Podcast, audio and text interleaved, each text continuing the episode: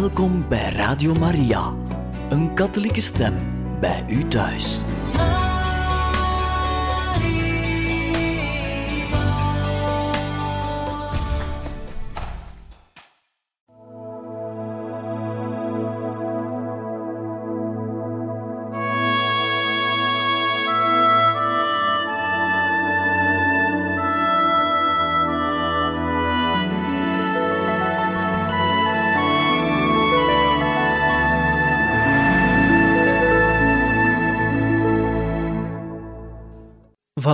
Welkom, beste luisteraars van Radio Maria, in het programma Heiligen Getuigen. We lezen u verder voor uit het boek Herinneringen van zuster Lucia. We waren aangekomen aan het tweede deel van de vierde herinnering, en die handelt in het bijzonder over de geschiedenis van de verschijningen. Dus de verschijning van de engel in 1916 en dan de verschijning van ons lieve vrouw in 1917. Nu komt, hoogwaardige excellentie, de moeilijkste bladzijde van allen die u me heeft doen schrijven.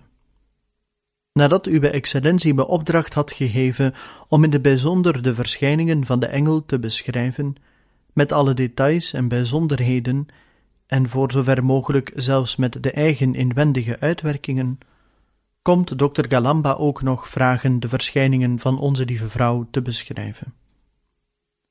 Geef haar de opdracht zei hij kort geleden in Valenza, om alles te schrijven, maar dan ook alles. Wat zal ik nog lang moeten branden in het vage vuur, omdat ik zoveel verzwegen heb? Voor het vage vuur, in dat verband ben ik niet bang. Ik heb altijd gehoorzaamd. En de gehoorzaamheid verdient geen blaam of straf. Voor eerst heb ik gehoorzaamd aan de inwendige inspraken van de Heilige Geest. Vervolgens aan de opdrachten van hen die in Zijn naam spraken. Dat was juist ook het eerste bevel en raad die de goede God zich gewaardigde mij te geven door middel van uw excellentie. Tevreden en gelukkig herinnerde ik me de woorden van vroeger, van de pastoor van Torres Novas. Het geheim van de dochter van de koning bevindt zich geheel in haar binnenste. En terwijl ik daar de zin van begon te doorgronden, zei ik: Mijn geheim is voor mij. Maar nu zeg ik dat niet meer. Geslachtofferd op het altaar van de gehoorzaamheid, zeg ik: Mijn geheim behoort toe aan God. Ik heb het in zijn handen gegeven. Laat hij ermee doen wat hem het meest behaagt. Dr. Galamba zei dus: Excellentie, zeg haar dat ze alles, maar dan ook alles vertelt, dat ze niets verbergt. En uw excellentie, voorzeker bijgestaan door de Heilige Geest, sprak als volgt: Dat ga ik niet bevelen. Ik wil niet binnendringen op het gebied van geheimen. God zij dank. Ieder ander bevel zou voor mij een bron zijn geweest van radeloosheid en scrupels. Bij een tegenbevel zou ik me duizendmaal afgevraagd hebben aan wie ik moest gehoorzamen, aan God of aan zijn plaatsvervanger. En misschien was ik, zonder een antwoord te vinden, in een echte inwendige marteling gebleven. Daarna vervolgde uw excellentie sprekend in de naam van God. Zuster, schrijf de verschijningen van de engel en van onze lieve vrouw. Het is voor de glorie van God en van onze lieve vrouw. Wat is God goed? Hij is de God van vrede en voert hen die op hem vertrouwen over deze weg. Ik begin dus mijn nieuwe taak en ik zal de opdracht van uw excellentie en de verlangens van dokter Galamba vervullen. Met uitzondering van het deel van het geheim dat me voor het ogenblik niet geoorloofd is te openbaren, zal ik alles zeggen, niets zal ik met opzet weglaten. Ik veronderstel dat enkel enige details van minder belang zullen vergeten worden. In zover ik het min of meer kan schatten, lijkt me dat het in 1915 was dat de eerste verschijning plaats had van wat ik houd voor de engel, die zich toen ter tijd echter nog niet volledig wilde openbaren. Afgaande op het seizoen denk ik dat ze plaats hadden in de maanden april tot augustus 1915.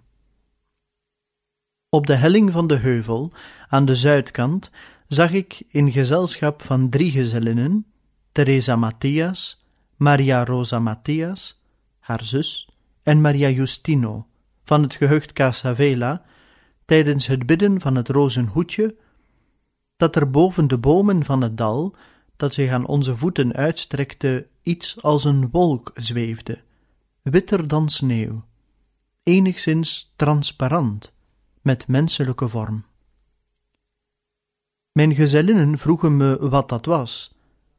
Ik antwoordde dat ik het niet wist. Op verschillende dagen herhaalde het zich nog twee keer. Die verschijning liet in mijn geest een indruk die ik niet nader kan omschrijven. Langzamerhand vervaagde de indruk, en ik geloof dat zonder de feiten die daarop volgden, deze met der tijd helemaal zou zijn uitgewist. De datums kan ik niet exact aangeven, want in die tijd kan ik nog jaren, nog maanden en zelfs niet de dagen van de week tellen. Ondertussen lijkt me dat het in de lente van 1916 was dat de engel ons de eerste keer verscheen in Loca do Cabesso. Ik heb al in het geschrift over Jacinta gezegd dat we de helling opgingen, op zoek naar een schuilplaats, en dat, nadat we daar onze boterham gegeten hadden en gebeden, wij op een zekere afstand boven de bomen in oostelijke richting een licht begonnen waar te nemen, blanker dan de sneeuw, met de vorm van een jongeling, transparant, schitterender dan een kristal, waar de stralen van de zon doorheen fonkelen. Naarmate hij naderbij kwam, konden we zijn lichaamsvormen onderscheiden. We stonden versteld en half in die aanschouwing verslonden. We spraken geen woord. Toen hij bij ons kwam, zei hij: Wees maar niet bang. Ik ben de engel van de vrede. Bid met mij. En terwijl hij diep neerknielde, boog zijn hoofd tot op de grond. Door een bovennatuurlijke kracht bewogen, volgden we hem na en herhaalden we de woorden die we hem hoorden uitspreken. Mijn God, ik geloof, ik aanbid, ik hoop, ik bemin u. Ik vraag vergiffenis voor hen die niet geloven, niet aanbidden, niet hopen en u niet beminnen. Nadat hij dat driemaal herhaald had, kwam hij overeind en zei: Bid op de aangegeven manier. De harten van Jezus en Maria luisteren naar de stem van uw smeekbeden. Toen verdween hij. De sfeer van het bovennatuurlijke die ons omringde was zo intens dat we er ons geruime tijd geen rekenschap van gaven dat we nog leefden, terwijl wij in de houding bleven waarin Hij ons had achtergelaten, en telkens hetzelfde gebed herhaalden. De tegenwoordigheid van God was zo intens en inwendig tussen ons dat we zelfs niet onder elkaar durfden te spreken. De volgende dag voelden we onze geest nog steeds gehuld in die sfeer die slechts langzaam verdween. Met betrekking tot die verschijning dacht niemand eraan om te spreken of ook maar geheimhouding aan te bevelen. Deze drong zich vanzelf op. Ze was zo intiem dat het niet gemakkelijk was er één enkel woord over te uiten. Misschien maakte ze ook daarom groter indruk op ons, omdat het de eerste was die zo duidelijk was. De tweede moet zijn geweest in het hartje van de zomer. In die dagen van de grootste hitte, wanneer we met onze kudde halverwege de morgen naar huis gingen, om er enkel in de namiddag weer mee uit te gaan. De middaguren van rust gingen we dus doorbrengen in de schaduw van de bomen rondom de put, waarvan al verschillende keren sprake was. Plotseling zagen we dezelfde engel bij ons. Wat doen jullie? Bid, bid veel. De harten van Jezus en Maria hebben plannen van barmhartigheid met jullie. Bied voortdurend gebeden en offers aan ter ere van de Allerhoogste. Hoe moeten we offers brengen? vroeg ik. Maakt van alles wat je kunt een offer als acte van eerherstel voor de zonde, waardoor hij beledigd wordt, en een smeekbede voor de bekering der zondaars. Trekt zo de vrede af over jullie vaderland. Ik ben zijn bewaarengel, de engel van Portugal. Aanvaardt en verdraagt vooral met onderwerping het lijden dat de Heer jullie overzendt. Deze woorden prenten zich in onze geest als een licht dat deed begrijpen wie God is.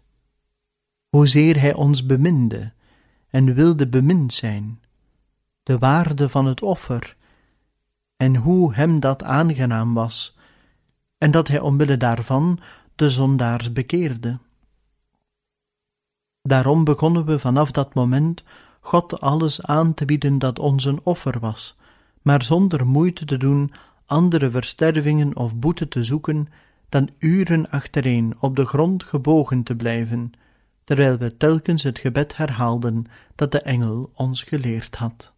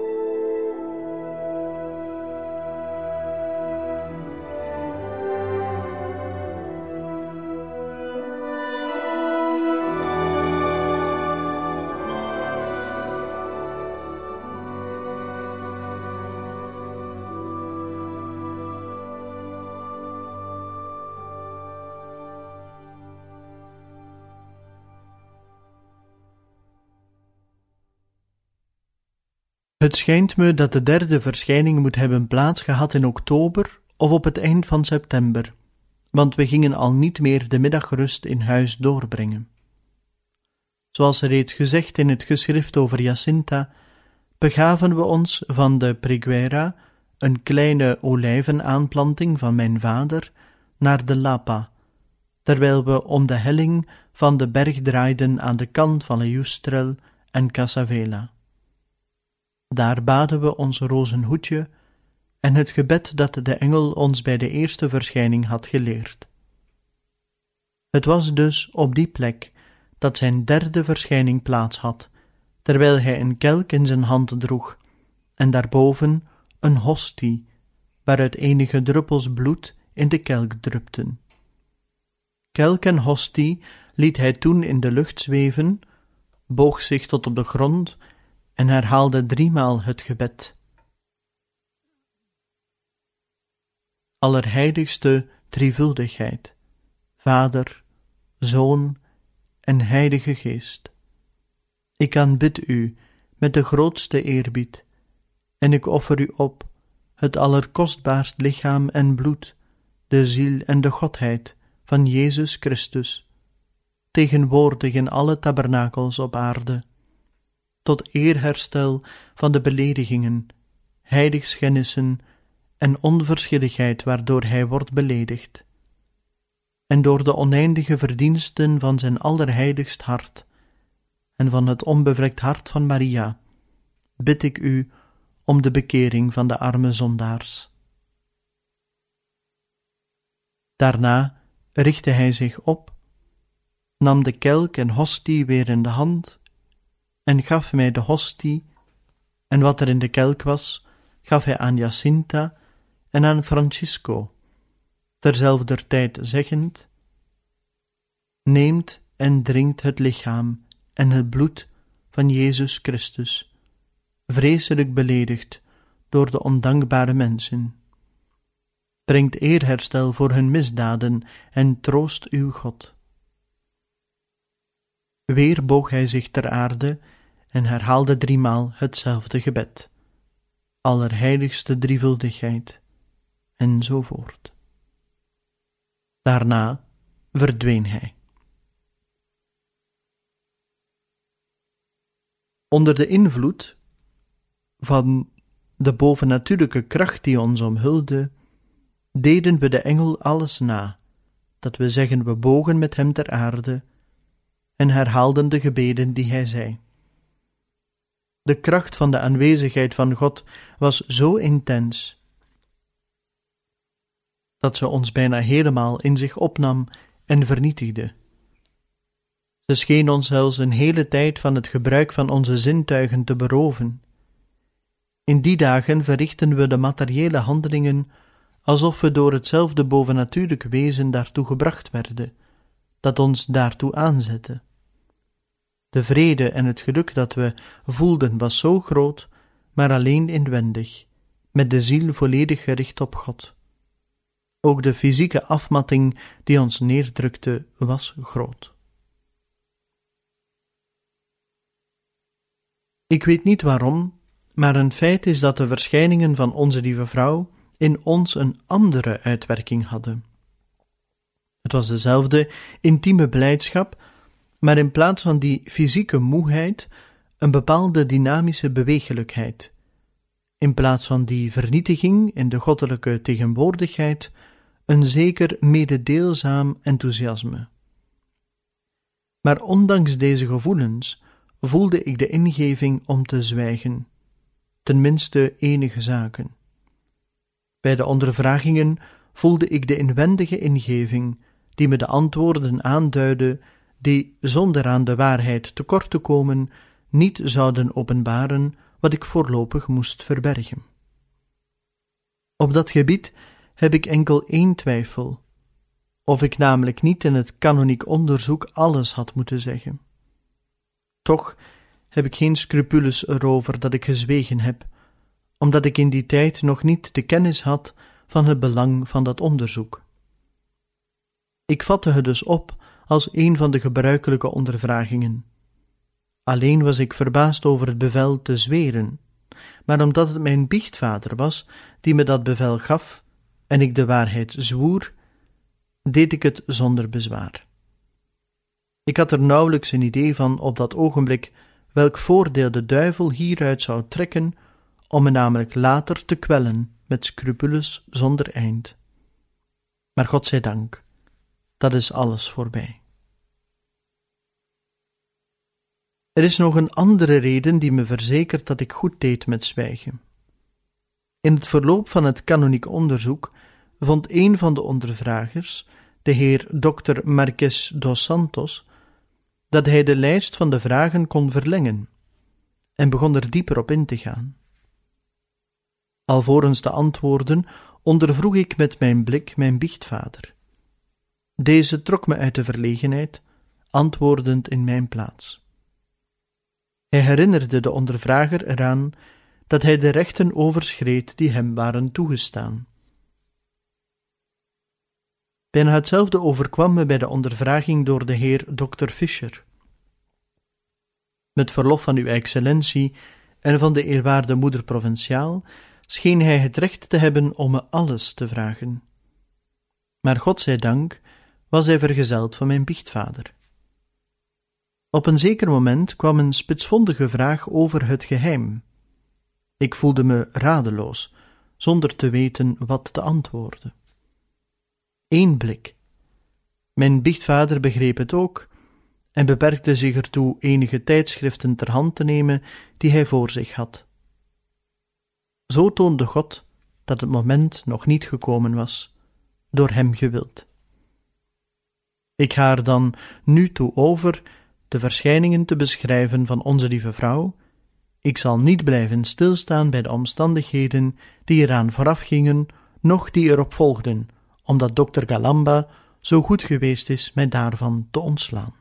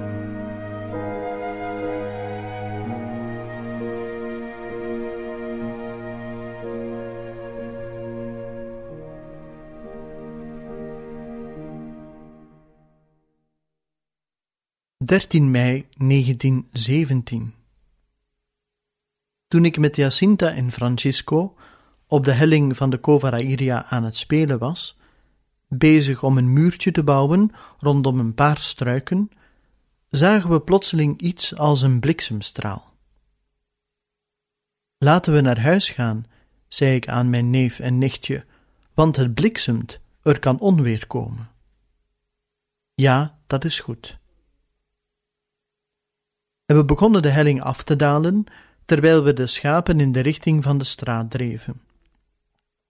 Toen we ongeveer halverwege de helling waren, vlakbij een grote steeneik, zagen we weer een bliksem, en enige passen verder zagen we boven een eik een dame, geheel gekleed in het wit, schitterender dan de zon, licht uitstralend, helderder en intenser dan een glas van kristal, met klaarhelder water gevuld, waar de stralen van de meest felle zon doorheen schieten.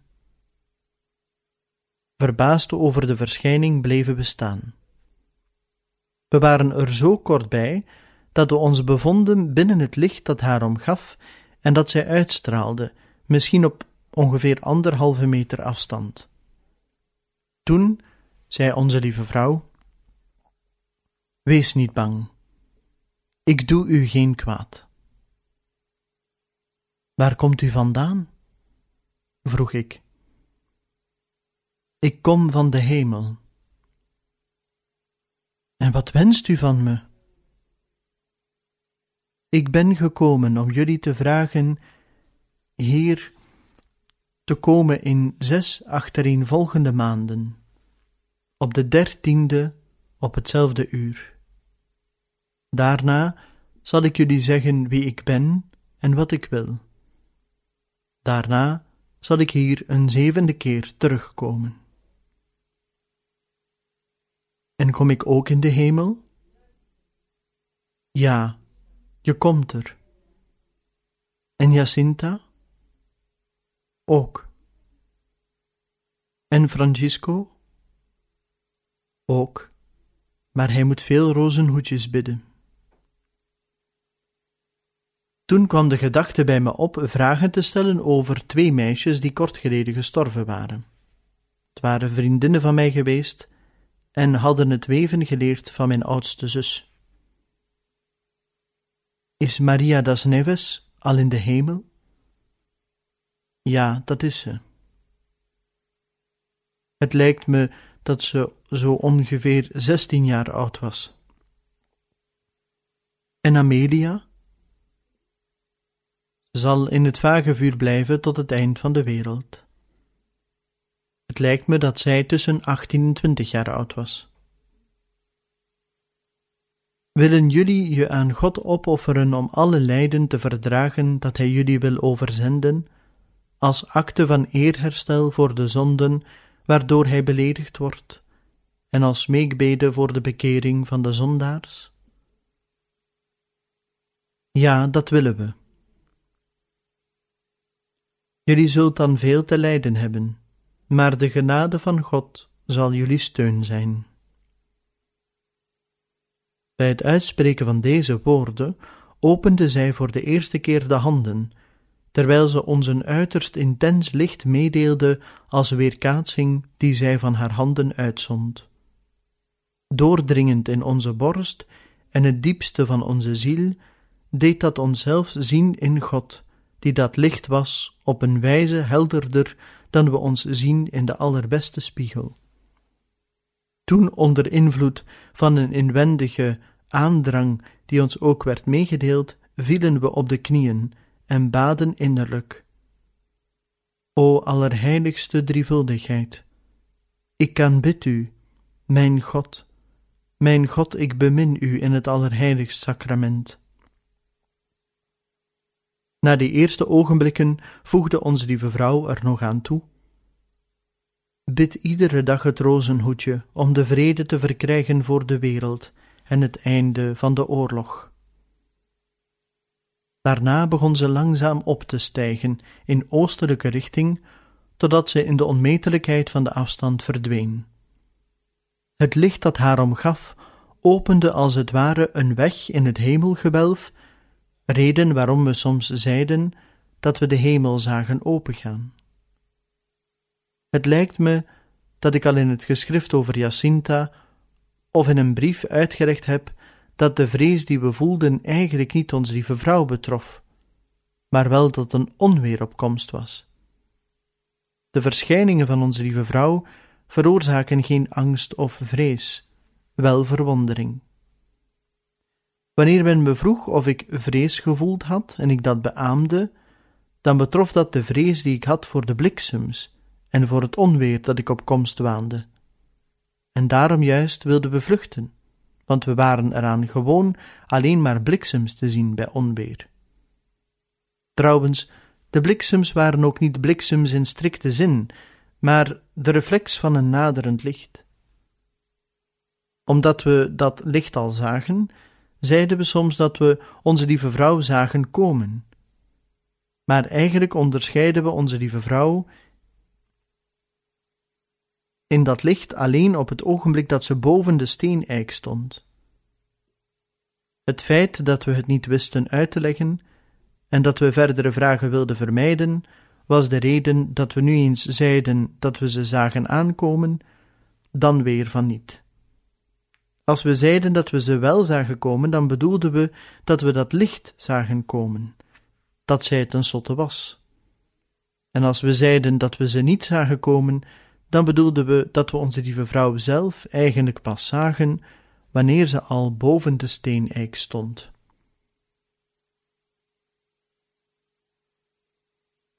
13 juni 1917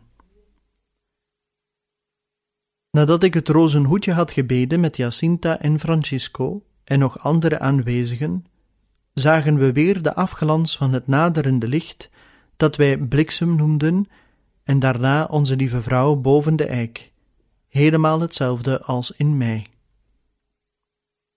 Wat wenst u van me? vroeg ik. Ik wil dat jullie de dertiende van de volgende maand hier komen, dat jullie iedere dag het rozenhoedje bidden en dat jullie leren lezen. Daarna zal ik zeggen wat ik wil. Ik vroeg om de genezing van een zieke. Als hij zich bekeert, zal hij in de loop van het jaar gezond worden. Ik wou u vragen ons in de hemel te brengen. Ja, Jacinta en Francisco neem ik weldra mee. Maar jij blijft nog een tijd. Jezus wil zich van jou bedienen om mij te doen kennen en beminnen. Hij wil in de wereld de godsvrucht tot mijn onbevlekt hart verbreiden. Blijf ik dan alleen achter? vroeg ik spijtig. Nee, mijn dochter. Leid je veel? Verlies toch de moed niet. Ik zal je nooit in de steek laten. Mijn onbevlekt hart zal je schuilplaats zijn en de weg die je naar God zal voeren. Op het ogenblik dat ze deze laatste woorden sprak, opende zij haar handen en deelde ons voor de tweede keer de reflex van dat onmetelijke licht mee. Jacinta en Francisco schenen te staan in dat gedeelte van het licht dat opwaarts naar de hemel ging, en ik in het gedeelte dat zich over de aarde verspreidde. Voor de rechterhandpalm van onze lieve vrouw bevond zich een hart, omgeven met doornen die leken erin gestoken te zijn. We begrepen dat dit het onbevlekt hart van Maria was, dat versmaad door de zonden van de mensheid om eerherstel vroeg. Hoogwaardige excellentie, daarop doelden wij wanneer we zeiden dat onze lieve vrouw ons in juni een geheim had meegedeeld deze keer vroeg onze lieve vrouw ons nog niet om het geheim te houden, maar we voelden dat God ons hiertoe drong.